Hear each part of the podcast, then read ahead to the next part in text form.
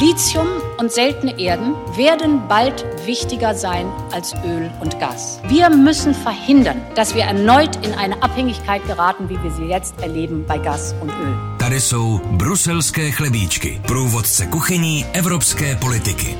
Evropa se už déle než rok bolestivě zbavuje své dřívější závislosti na dovozu fosilních paliv z Ruska. Podle unijní exekutivy může pomoci zelená dohoda. Sama Evropská komise a její šéfka Ursula von der Leyenová ale varují. Pozor, abychom závislost na fosilních palivech nenahradili jen závislostí jinou, a to na lítiu a vzácných prvcích, které jsou nezbytné pro výrobu baterií a další klíčové zelené technologie. Jak vážná je to hrozba? A čím může pomoci chystaná unijní legislativa pro zabezpečení kriticky důležitých surovin? Témata pro další bruselské chlebíčky.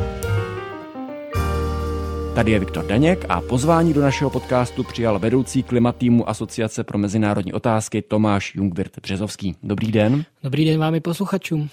Než se dostaneme k plánům Evropské komise, řekněme si nejprve, jaká je teď situace, jak si na tom Evropa vlastně stojí. Ta výchozí pozice Evropské unie není příliš dobrá, eh, protože ona na svém území jednak eh, toho mnoho netěží, ale ani nemá pod kontrolou ty výrobní a zpracovatelské řetězce. To je to vlastně klíčové, o co se tady hraje. Eh, zároveň ty prognozy jsou takové, že ta spotřeba těch vzácných surovin a kritických minerálů tak prostě poroste, protože, jak jste zmínil, jsou klíčové pro celou řadu těch oblastí, pro eh, dekarbonizovanou nebo ekologickou ekonomiku. Takže eh, samozřejmě ano, tady hrozí, že eh, v zájmu vlastně odklonu od fosilních paliv a od třeba závislosti na jejich dovozu z Ruska, tak vzniknou nebo posílí se ty závislosti nové. No a Evropská komise tím návrhem vlastně stanovuje určité cíle, které by chtěla už třeba v horizontu 7-8 let eh, docílit, dosáhnout, tak, aby ta závislost nebyla, řekněme, příliš velká. Ačkoliv všichni víme, že Evropa si tady vždy eh, všechno vyrobit sama nedokáže. My se k těm cílům dostaneme, ale abychom měli představu, o čem se tedy bavíme, tak eh, co by to znamenalo, kdyby teda ta závislost eh, se do příštích let významně posilovala? Co by to znamenalo pro, pro vlastně klimatickou politiku Evropské unie a ty ambice, které tady jsou, klimatická neutralita? No znamená to samozřejmě riziko. Znamená to riziko eh, jednak, mm, řekněme, nějakých geopolitických posunů, třeba ve chvíli, kdyby se výrazně zhoršily vztahy s Čínou a už máme konec konců i signály, že Čína třeba chce nebo omezuje dokonce export nejen nutně těch surovin, ale už třeba komponent. Jo. V tuto chvíli Evropa je asi z 80 až 90% závislá právě na dovozu solárních panelů z Číny. No a nebo třeba nějakého výpadku v těch obchodních řetězcích, které nemusí být eh, spojené nutně přímo s politickou situací nebo s geopolitickou situací, ale třeba i s nějakými přírodními pohromami, prostě s nějakými úzkými hrdly v tom mezinárodním obchodu, eh, tak najednou Evropa může zjistit, že sice má ty ambiciozní cíle na papíře, ale že je prostě není schopna plnit, protože nemá ty komponenty. Konec konců hmm. měli jsme tady už tu krizi čipů a vlastně dodávek čipů, která stále trvá a toto si myslím, že je určitá předzvěst. Já jsem si říkal, jak dlouho to bude trvat, než se dostaneme k Číně, nebyly to tady ani dvě minuty. Čína kontroluje 60% světového obchodu s prvky vzácných zemin, jak jste říkal, je lídrem eh, ve výrobě baterií a solárních panelů a navíc je i eh, světovým lídrem ve zpracování těch eh, hmm. klíčových surovin. Jak moc vlastně ta chystaná legislativa je o Číně? Je hodně o Číně, ačkoliv neříká, že je o Číně a to si myslím, že je v pořádku, protože zmiňovat Čínu by asi nebylo ani, ani taktické, ani úplně jako potřebné, um, ale je o Číně, protože, jak jste, jak jste řekl, ona toho kontroluje v tuto chvíli celou řadu, nenutně té samotné těžby, tam je to teda hlavně u těch eh, vzácných eh, surovin, um, ale zejména um, ty zpracovatelské a obchodní řetězce. To znamená, Čína vlastně svojí poměrně expanzivní obchodní politikou v Africe, v Jižní Americe a jinde, eh, tak vlastně kontroluje de facto tu těžbu a to třeba i, já nevím, kobaltu v Demokratické republice Kongo, ehm, který prostě tam potom vytěží, ale následně odjede do Číny a tam se zpracovává na nějaké další, eh, další prostě komponenty pro další použití.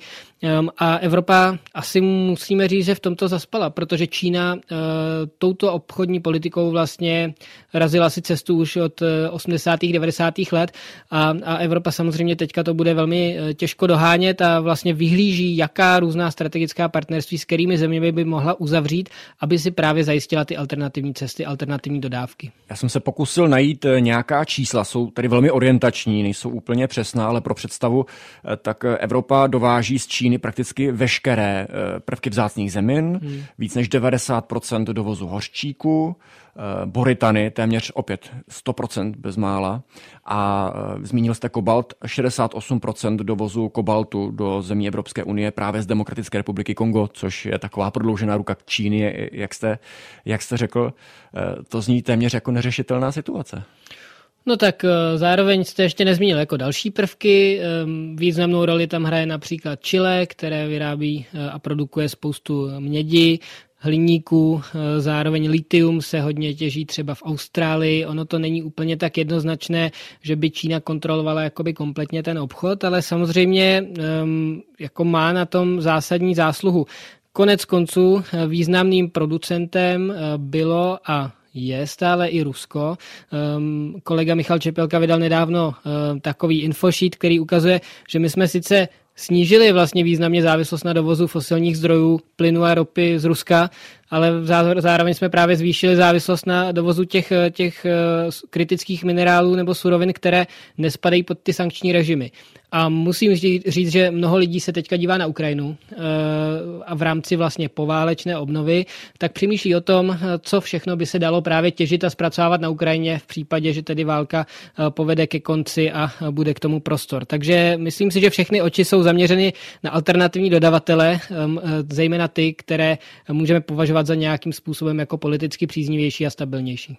Eh, když jste zmínil třeba Chile, tak eh, to je skoro 80% dovozu lítia. Eh, tady, tady je mm. zajímavé, že Čína mm. tvoří vlastně minoritní část, nějaké 3%. Je to tady průměr za léta, léta 2012 až 2016, ale přesto velmi málo. Tak to vypadá, že u některých těch, u některých těch surovin to vlastně ne, nevypadá jako tak velký problém. Chile je, řekněme, zpřízněná myšlenkově možná země. Takže eh, jde tedy jen o některé z těch surovin, ne o všechny. Ano, ale jde o velkou část, ale i tam, kde tedy, eh, dejme tomu, že ty země jsou zpřízněné, nebo že s nimi má Evropa nějaké vlastní partnerství, nebo je buduje, eh, tak samozřejmě do toho vstupují určité úvahy ohledně toho, eh, jaký typ právě partnerství má Evropa budovat v zahraničí a na základě jakých hodnot.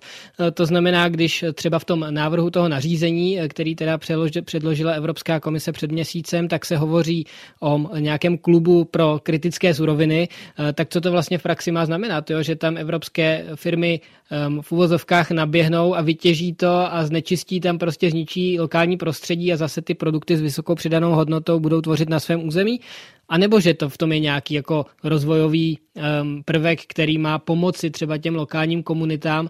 A ono mimochodem samozřejmě i ta otázka toho lokálního znečištění a vůbec těch standardů, za kterých se to těžit všechno bude, uh, tak je, tak je velkou otázkou, protože cílem tohoto nařízení a i dalších, které s tím souvisejí, tak je právě zkrátit ty povolovací procesy tak, aby se ta infrastruktura dala postavit relativně rychle.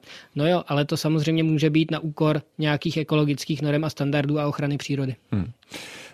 Abych v tom měl jasněji, bavíme se tady pouze o dovozu těch strategicky důležitých surovin, nebo je tady i nějaký prostor, potenciál i pro zvýšení třeba soběstačnosti u některých eh, těch eh, prvků. Zmínili jsme litium, velká hmm. kauza litium v Česku eh, před pár lety, tak jsou tady nějaké rezervy ještě v Evropě? Určitě jsou. Velké rezervy jsou zejména ve Skandinávii, ale konec konců i v České republice ta, to, to ložisko lítia je vlastně jedno z největších na světě a já jsem přesvědčený o tom, že ho vytěžíme. Je otázka, jestli za pět let začneme těžit, nebo začne Čes těžit, nebo začne někdo další těžit, anebo to bude trvat déle, ale podle mě to k tomu nepochybně spěje.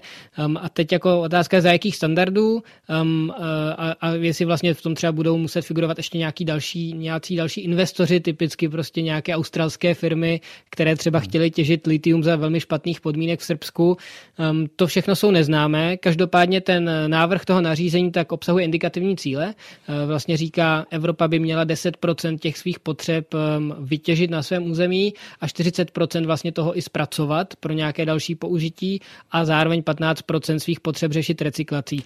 A to se říká, že jsou ambiciozní cíle a vidíme, že tedy zdaleka nedosahují ke 100%. Přesně k tomu mířím. Do jaké míry je taková, taková ambice realistická? Hmm. Já jsem třeba byl nedávno na severu Švédska, v Kiruně, kde hmm. bude brzy podle těch plánů, alespoň které tam mají jeden z největších hlubinných dolů světa na prvky vzácných zemin a také na fosfáty. Mm-hmm. Mluvili jsme o tom litiu, ale v tom celkovém pohledu, jak moc je to kapka v moři, anebo je, je to skutečně nějaká významná pomoc? Eh, tak já si myslím, že jako významné to je. V té Skandinávii ty, ty ložiska jsou velká, konec konců i v Evropě prostě na řadě míst uh, také, ale jedna, která otázka je, za jakých jako standardů se tam dá vůbec jako těžit, jak se k tomu postaví místní obyvatele, zda to nějakým způsobem akceptují, jestli tam nebude silný takový ten uh, NIMBY efekt, uh, tedy ne, netěžte to na mé zahradě, ale raději to doveste od někud tinuť um, a samozřejmě jak půjde ta poptávka nahoru. A to si myslím, že jako klíčová proměna, uh, která v tuto chvíli třeba není asi adekvátně řešena ani v tom návrhu. Uh, jinými slovy, že tam není řešené vlastně Měli bychom v zásadě spíše se snažit tu poptávku snižovat, eh, protože ty prognozy jsou, že může jít nahoru třeba 10krát, 20krát jako v horizontu desetiletí a to samozřejmě ten eh, celosvětový trh prostě výrazně rozkýve. Takže asi jako i zaměřit se na to snižování spotřeby, na to řešení té spotřební části, nejenom na té výrobní, tak eh, bude klíčovou součástí nějakého řešení. Hostem bruselských chlebíčků je analytik Tomáš Jungwirth Březovský. Už jsme o tom tady mluvili několikrát, teď se pojďme podívat do detailů. V polovině března tedy Evropská komise představila návrh takzvaného aktu o kriticky důležitých surovinách, kterým se teď teprve vlastně stále v začátku začínají zabývat hmm. unijní státy a europoslanci. Zmiňoval jste ty cíle, které jsou tam nastavené, krom jiného také to, aby u žádné z těch surovin nebyla Evropa závislá víc než z 65% hmm. na jedné zemi pouze, aby vždy byla ta ten dovoz byl více diverzifikovaný. Jaké nástroje vlastně Evropa má k tomu, aby se k těm cílům eh, přiblížila a skutečně naplnila? Já už jsem to naznačil, tak eh, do velké míry je to zjednodušení těch povolovacích procesů. Dokonce se tam řeší vlastně výjimka z eh, povolení nebo um, hodnocení EIA, tedy vlastně, aby ty projekty měly prostě environmentální dopad zmapovaný, což samozřejmě bude spoustě lidem vadit a asi oprávněně, ale v zá, jako v zájmu zrychlení těch procesů, tak je to v podstatě nezbytné. A podobně... O tom se často mluví, že v podstatě hmm. v Evropě je podle některých názorů nemožné otevřít nový důl, tak to by se mohlo změnit? Eh, pravděpodobně ano, pokud eh, tento návrh projde, tak u těch jako klíčových eh, surovin a nebo sektorů, ono to je navíc provázané s tím takzvaným nařízením o klimaticky neutrálním průmyslu, který vlastně řeší ty strategické sektory, jako jsou baterky, jako jsou, jako jsou fotovoltaické panely, vítr a tak dále, tak tam by skutečně k tomu mělo dojít, mělo by se to zjednodušit, mělo by se to snadněji vlastně projektovat a stavět a zároveň snadněji financovat. To si myslím, že je klíčová věc, že vlastně by tyto projekty měly dostat snadnější přístup k financování ze státních nebo veřejných peněz. Um, a tady se dostáváme ale k té velké geopolitické lince. Prostě je to otázka vlastně nějakého jako v podstatě velkého protekcionismu, kdy eh, stejně jako Evropa, tak dlouho už Čína a také teďka Spojené státy prostě chtějí investovat do svých strategických průmyslových odvětví um, a chtějí prostě, aby ta výroba zůstala v uvozovkách doma a tedy i ty pracovní místa a tedy i ta kontrola nad tím, kde ty věci jsou produkovány plány a že skutečně k ním bude mít přístup. Zmiňoval se tady to zjednodušování procesů, třeba to hodnocení dopadu na životní prostředí. Když chceme být zelenější, není tohle vlastně trochu paradoxní opatření? Já myslím, že narážíme na, jedno, na jeden z úhelných kamenů vlastně té diskuze o budoucí klimatické politice Evropské unie. Um, jinými slovy, že to, co je strategické pro ochranu klimatu a snižování emisí, uh, tak nemusí být nutně příznivé pro ochranu místního prostředí. Eh, takže jestli se na to bude dívat eh, člověk, kterého zajímá spíš místní ekosystém, ochrana ptáků, ochrana hmyzu, ochrana třeba i spodních vod, ehm, tak bude na ty věci často mít úplně jiný názor než člověk, který se na to dívá z pohledu nějakého jako velkého, velké proměny té ekonomiky. Eh, a to není jenom příklad například budování těchto kapacit výrobních procesů a těžebních kapacit, ale třeba také vysokorychlostních tratí. Že tam prostě také u toho existují protichůdné názory, jak se na to budeme dívat. No a Evropa bude muset hledat balans, um, ale zároveň tím to říká, my se přikláníme k té klimatické agendě, protože bez toho, abychom tady měli prostě ty um, dekarbonizační uh, výrobní kapacity na to, abychom prostě uh, ozelenili tu energetiku um, a mimochodem také spousta investic musí jít do těch sítí, um, tak, uh, tak my se jako bez toho nemůžeme dobrat těch našich klimatických cílů. Ale určitě, uh, řeknuli to laicky, bude z toho spousta mrzení. No, tím se Evropa vystaví poměrně snadno kritice, že v zájmu ochrany klimatu si tady, když to velmi zjednoduším, budeme ničit eh, krajinu v, v místě, kde žijeme. Teď nedávno důl Turov, tedy samozřejmě hnědouhelný důl, ale možná relevantní srovnání do jisté míry s tím dopadem na, na, na tu krajinu. Tak eh, nenabíhá si trochu Evropská unie na vidle? A tak eh, pak je asi potřeba se tázat, jaké jsou alternativy. Takže jedna ta alternativa je teda závislost na dovozu, zejména, jak jsme řekli, z Číny, eh, což je konec konců i politicky neúplně žádoucí a rizikové. Ehm, no a druhá je teda eh, investování do té výroby a zpracování ve třetích zemích, zejména tedy zemích globálního jihu, kde pravděpodobně tyto všechny věci budou probíhat ještě za mnohem horších podmínek a třeba i pracovních podmínek. A tedy vlastně jako jenom externalizujeme ty negativní dopady a my se budeme tvářit tvářit, že tady jako žijeme v tom českém světě, kde prostě budujeme tu energetiku a průmysl a ekonomiku zítřka, ale zároveň prostě negativně se to podepíše na kvalitě života a prostředí v jiných zemích. Tak to si myslím, že také cesta není. Ale i to se řeší právě v tom aktu o kriticky důležitých surovinách. Eh, jestli jsem to správně pochopil, tak by tam mělo být nějaké zvýšení eh, právě těch standardů ochrany práce a životního prostředí v případě dovozu těch surovin, abychom právě neexternalizovali eh, ty negativní dopady třeba na krajinu, třeba na pracovní podmínky těch lidí pracujících v dolech. Tak ale zase není to trochu protichůdné vůči těm cílům na jedné straně navýšit dovoz, co jen to jde a co nejrychleji, ale na druhé straně zase bariéra pro ten ten obchod?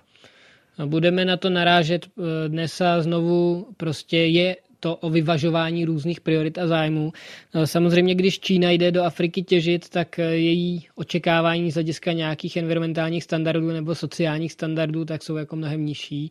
Um, tak Evropa v tomto prostě bude na sebe vždycky muset být přísnější a myslím si, že je to správně. Um, a, a především právě se dívat na to, jak to prospívá a co z toho mají vlastně ty lokální komunity. To je asi všechno, co k tomu lze říct, tak to obecně. Já myslím, že potom se na to musíme dívat na úrovni jako konkrétních projektů a investičních plánů um, a samozřejmě lze čekat, že prostě po každé to bude předmětem určitého střetu, určité kritiky. Ale jak jsem řekl už před časem, myslím si, že i ty naše vlastní kapacity a zásoby prostě těch kritických surovin v Evropě, tak my vytěžíme. Samozřejmě za přísnějších standardů bude to třeba i dražší, um, ale myslím si, že se to stane. A je to vymahatelné v praxi, ty požadavky na to, aby dovoz těch surovin byl eh, ekologičtější, hmm. aby ta těžba byla třeba i sociálně eh, citlivější? Není toto něco jenom na papíře? Je to skutečně něco v praxi vymahatelného? Jak může Evropská komise dohlédnout, jak vypadají podmínky v dole někde v Demokratické republice Kongo? To jdeme do míry detailu, na kterou asi úplně neumím odpovědět z hlediska toho návrhu nařízení, ale myslím si, že vlastně skoro všechno, co tam je napsané, tak je velmi indikativní. Je to prostě jako plán to, co je závazné a co se reálně jako bude dít, tak jsou tedy ty otázky povolovacích procesů a otázky přístupu k veřejným penězům a tam si myslím, že skutečně to bude znamenat nějaký jako předěl, um, ale pokud se bavíme o tom, za jakých standardů ty uh, produkty jsou uh, těženy a dováženy, tak si myslím, že spíše to potom bude o jednotlivých členských státech, jak se k tomu postaví. Posloucháte Bruselské chlebíčky, průvodce kuchyní evropské politiky. Najdete je také na webu plus.rozhlas.cz, v aplikaci Můj rozhlas a v dalších podcastových aplikacích. V bruselských chlebíčcích stále zůstává analytik Tomáš Jungwirth Březovský. Už jste mluvil o té dimenzi mezinárodního obchodu, to je velmi podstatná. Eh, velmi diskutovaným tématem posledních týdnů, měsíců v Bruselu je IRA, nikoli Irská republikánská armáda, ale odpověď na ten americký plán prezidenta Joea Bidena napumpovat eh, obrovské množství peněz do ekonomiky.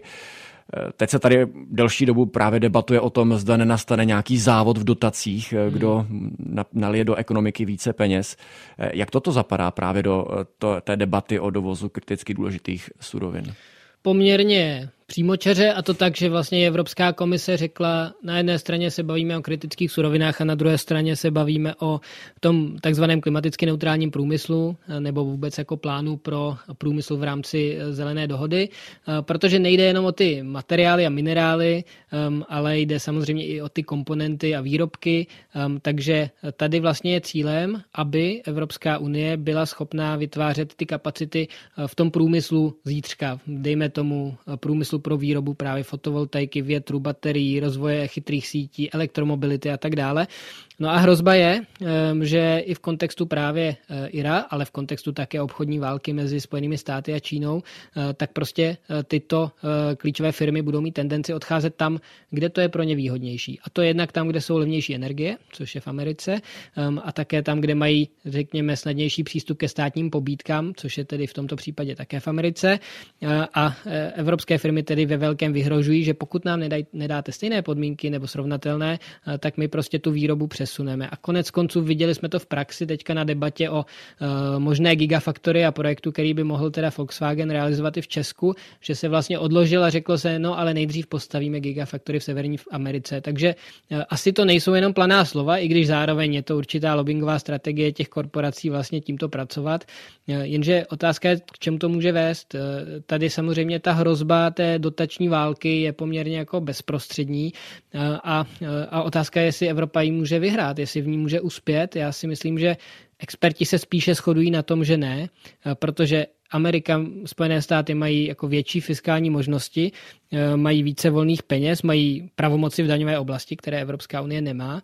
A Evropská unie, to se podívejte, vlastně v těchto návrzích nepřichází s žádnými novými společnými penězi. Ona vlastně říká, my tady máme nástroj eh, RRF, což je vlastně oživ, nástroj pro oživení a obnovu v rámci covidu um, a, eh, a z tohoto financujeme národní plány obnovy a to jsou vlastně ty peníze, které, na které jsme si teďka společně půjčili a teďka je budeme splácet. A řada zemí, včetně České republiky, se vyjádřila otevřeně v tom smyslu, že nechce, aby eh, si Evropa dále společně půjčovala na nějaké další financování právě toho zeleného průmyslu. Jenže obávám se, že tato debata vlastně se nám vrátí jako bumerang, protože bez nových peněz prostě v důsledku asi eh, to dále vymýšlet nepůjde. Tady ještě ten vnitřní rozměr celého toho problému, že některé státy v Evropské unii jsou bohatší a můžou hmm. si z národních peněz zafinancovat podobné programy. A potom je ale otázka, jak může fungovat vnitřní trh Evropské unie, pokud v nějakém státě budou mít ty firmy výhodnější podmínky než v jiném, typicky třeba na východním křídle Evropské unie. Tak eh, je tady vlastně vůbec jiná možnost, než eh, zase pumpovat peníze z nějakého společného, v tomto případě asi dluhu? Mm-hmm. Myslím, že to je přesně ten, ten kritický bod té debaty um, a zejména kritický pro Českou republiku a další státy uh, menší a, a zejména východoevropské, um, protože ne, my nemáme uh, ty možnosti rozpočtové prostě napumpovat tolik peněz do ekonomiky, um, ale je pravdou, že tedy součástí toho návrhu na řízení o uh, nízkouhlíkovém uh, průmyslu, tak je vlastně uvolnění těch eh, státních podpor a právě Německo a Francie a další velké státy by toho mohly velmi využít. No a eh, ano, hrozí nejenom tedy nějaká dotační válka nebo válka protekcionismu obchodního na globálním poli, ale hrozí vlastně něco podobného i v rámci vnitřního trhu a ty první signály právě už jsou od covidu, protože tam vlastně začaly ty výjimky ehm, a pro Česko jako otevřenou a exportně orientovanou ekonomiku tak to asi není úplně strategické, asi to nemůže být úplně přínosné a proto taky se zatím stavíme, myslím, k tomu jako více skepticky a raději bychom dodržovali ta pravidla otevřeného trhu, jenže problém je, že ten otevřený globální trh prostě už tady není, nebo není v té podobě, jaké byl. Vlastně už od ekonomické krize po roce 2008 ten objem mezinárodního obchodu celkově klesá a, a zároveň ty mezinárodní vztahy se prostě zhoršují a samozřejmě ruská invaze na Ukrajinu toto jenom podtrhla. Takže toto jsou všechny ty neznámé, které před námi stojí, ale každopádně pro Česko si myslím, že dlouhodobě klíčové je říci, kdo jsou tedy eh, ty technologické firmy nebo průmysloví lídři, které tady chceme podporovat a jaké tedy odvětví, dejme tomu nad rámec automotiv, tady budeme chtít budovat. Tím se zase vracíme k tomu aktu o kriticky důležitých surovinách, eh, protože jednou z těch důležitých komponent je tady podpora mezinárodního obchodu, ideálně s těmi státy, které jsou nám nějak myšlenkově zpřízněné.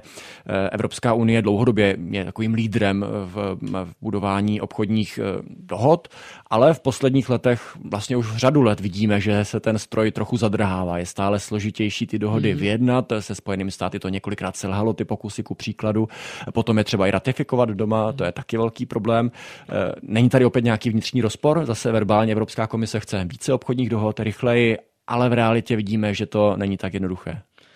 No jednoduché to nepochybně není, um, ale úplně nevím, jestli to dávat za vinu Evropské komisi, protože reálně potom samozřejmě ty výhrady šly zejména ze strany jednotlivých členských států a třeba i konec konců toho environmentálního a klimatického hnutí, které říkalo um, fajn, jako pojďme mít eh, společnou dohodu o volném obchodu, ale musí tam být stanovená právě určitá environmentální kritéria.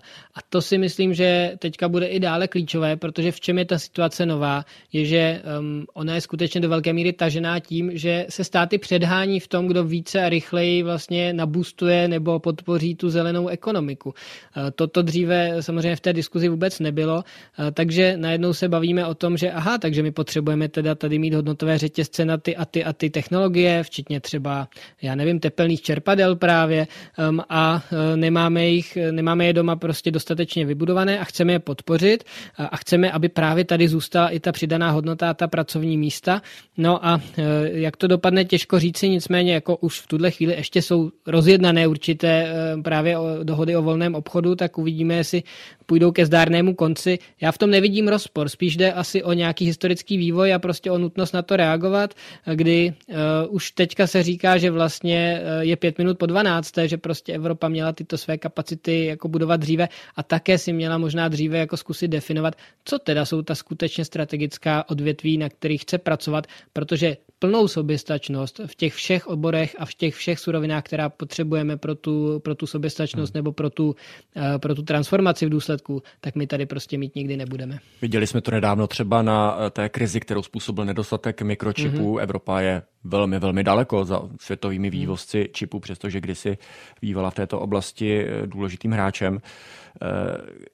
Ještě mě zajímá jedna věc, které ty státy, pokud jde, ty, pokud jde o obchodní dohody, jsou v tuto chvíli ty nejdůležitější z pohledu Evropské unie, kde je potřeba co nejrychleji zapracovat na těch obchodních dohodách, aby Evropě neujel ten vlak úplně? Tak já si myslím, že eh, hodně se prostě pořád skloňuje ta otázka vztahu se, se Spojenými státy a toho, jestli tedy je možnost nějakým způsobem tu, tu dohodu resuscitovat. Um, Japonsko, Nový Zéland. Upřímně řečeno, nejsem expert na globální obchodní dohody. Um, dneska jsme si dočetli, že, že Indie předstihla Čínu jako nejlidnatější uh, zemi světa a zároveň je nepochybně technologickým lídrem. Určitě Indie je zajímavým partnerem, um, ale uh, asi je potřeba se dívat tedy uh, za jakých podmínek a na jaké um, v, jakých, v jakých odvětvích prostě toto bude přinášet pro Evropu přidanou hodnotu a jestli právě to bude Eh, vést ke zvyšování těch společných standardů, protože o to se tady v důsledku hraje, že vlastně Evropa také chce um, vlastně zvyšovat ty standardy. O tom je třeba to uhlíkové clo neboli CBAM, uh, že tedy my tady platíme nějakou daň, nějaký poplatek z emisí uhlíku a že by to měli právě platit i ostatní a třeba těm ostatním se to úplně nelíbí, um, ale snahou vlastně je vytvořit ten trh tak, um, aby to fungovalo globálně a aby nikdo nemohl říct, že Evropa dělá více než ostatní a že ostatní se jenom vezou jako černí pasažéři. Kdybychom to měli závěrem schrnout do pár bodů, co je tady to důležité, co by Evropa měla udělat, a aby skutečně se nestala tím, kdo prohraje v tom světovém závodu o, o nové suroviny, o, o nové obchodní řetězce, o, o novou zelenější ekonomiku? Um, Evropa si musí říct, co skutečně jsou ty strategické odvětví. E, zároveň je připravena asi na to, e, že průmysl bude možná kritizovat, že si vybírá vlastně už předem a že tam neaplikuje technologickou neutralitu, ale tak to zkrátka bude. Um, musí si říci, nakolik je připravena zjednodušovat povolovací řízení, nakolik je připravena třeba zavřít jedno oko v případě těch environmentálních dopadů. Musí si říct, jestli si společně půjčí nějaký další balík peněz a společně ho rozdělí spravedlivě tak, aby se dostal tam, kde ty kapacity a možnosti a potenciál je největší a ne tam, kde je nejvíc peněz. Eh, musí si říct, s kým chce na tom spolupracovat na tom světovém poli a eh, jakým způsobem nejlépe diverzifikovat u těch fakt jednotlivých produktů, surovin a komponent eh, ty dodávky. Ehm, a samozřejmě v důsledku si musí říct, eh, kolik toho vůbec jako kdy bude potřebovat eh, a, a jestli má i nějaké nástroje na straně snižování spotřeby, prostě ve zvyšování efektivity v cirkulární ekonomice a tak, které může aplikovat bez toho, aby byla závislá na ostatních. A toto všechno bude vyžadovat eh, mnoho investic, ale nejenom jakoby do těch, do těch zdrojů a do té produkce, ale také třeba do, lidské, do lidských zdrojů a do lidských kapacit, takže hodně se tam mluví o vzdělání a inovacích ve vzdělávání, eh, protože tam Evropa má nepochybně také co dohánět. No, není toho málo. Váš odhad Jste optimista? Nepochybně musím být optimistou. Evropa toto všechno zvládne a hlavně doufám, že i na tom mezinárodním poli eh, se podaří nějakým způsobem tu situaci stabilizovat, protože my potřebujeme důvěru mezi státy, abychom mohli vůbec pokračovat v tom globálním úsilí o ochranu klimatu. Hostem bruselských chlebíčků byl vedoucí klimatýmu Asociace pro mezinárodní otázky Tomáš Jungwirth Březovský. Moc díky, že jste si udělal čas. Děkuji vám za pozvání. Jako obvykle se ještě na závěr v rychlosti podíváme, co dalšího zajímavého se v těchto dnech v unijních institucích odehrává. Europoslance v úterý ve Štrasburku čeká hned několik důležitých hlasování kolem zelené dohody a budou to hlasování s českou příchutí. Evropský parlament totiž nejspíš finálně potvrdí kompromisy vyjednané ještě českým předsednictvím. Konkrétně jde o rozšíření trhu s emisními povolenkami, takzvané uhlíkové clo a vznik obřího klimatického fondu, ze kterého nejen do České republiky potečou 100 miliardy korun a o Česku bude slyšet i v Bruselu. Od středy do pátku se tam chystá na návštěvu prezident Petr Pavel. Uvidí se s šéfy všech tří institucí Evropské unie. Zamíří do svého někdejšího působiště do centrály NATO a jak informoval newsletter ředitele Evropy, setká se také s Čechy pracujícími v institucích. Naposledy je z prezidentů navštívil Václav Klaus, aby jim řekl, že jsou zrádci národa. Tentokrát to bude asi o něco vřelejší přijetí. A když už jsme u Čechů v Bruselu, vláda se stále snaží pozitivní dojem zanechaný předsednictvím využít k pokusu obsadit vlivné pozice v institucích, jak jsme rozebírali v jedné z předchozích epizod. Česku se to dlouhodobě nedaří a nic se na tom zatím nemění. Vláda má na kontě čistou nulu a málem se u toho před pár dny ještě střelila do nohy. Ministerstvo financí se totiž pokusilo zastavit navýšení rozpočtu na program vysílání národních expertů do Evropské komise, což je zatím jediná cesta, jak alespoň některé z úspěšných českých diplomatů v Bruselu udržet. Většina rezortů byla pro uvolnění peněz z rezerv a tak vláda nakonec schválila navýšení rozpočtu z 60 na 80 milionů korun. To je ale stále o 20 milionů méně, než se původně plánovalo. To je z tohoto dílu bruselských chlebíčků všechno. Poslechněte si nás zase příště. Najdete nás každé pondělí ráno ve vaší oblíbené podcastové aplikaci, kde si také můžete nastavit odběr, nebo po 11. ve vysílání plusu. Děkujeme za vaše podněty, které nám posíláte. Psát nám můžete i nadále na bruselské.chlebíčky zavináč rozhlas.cz. Naslyšenou u některé z dalších epizod se zase těší Viktor Daněk.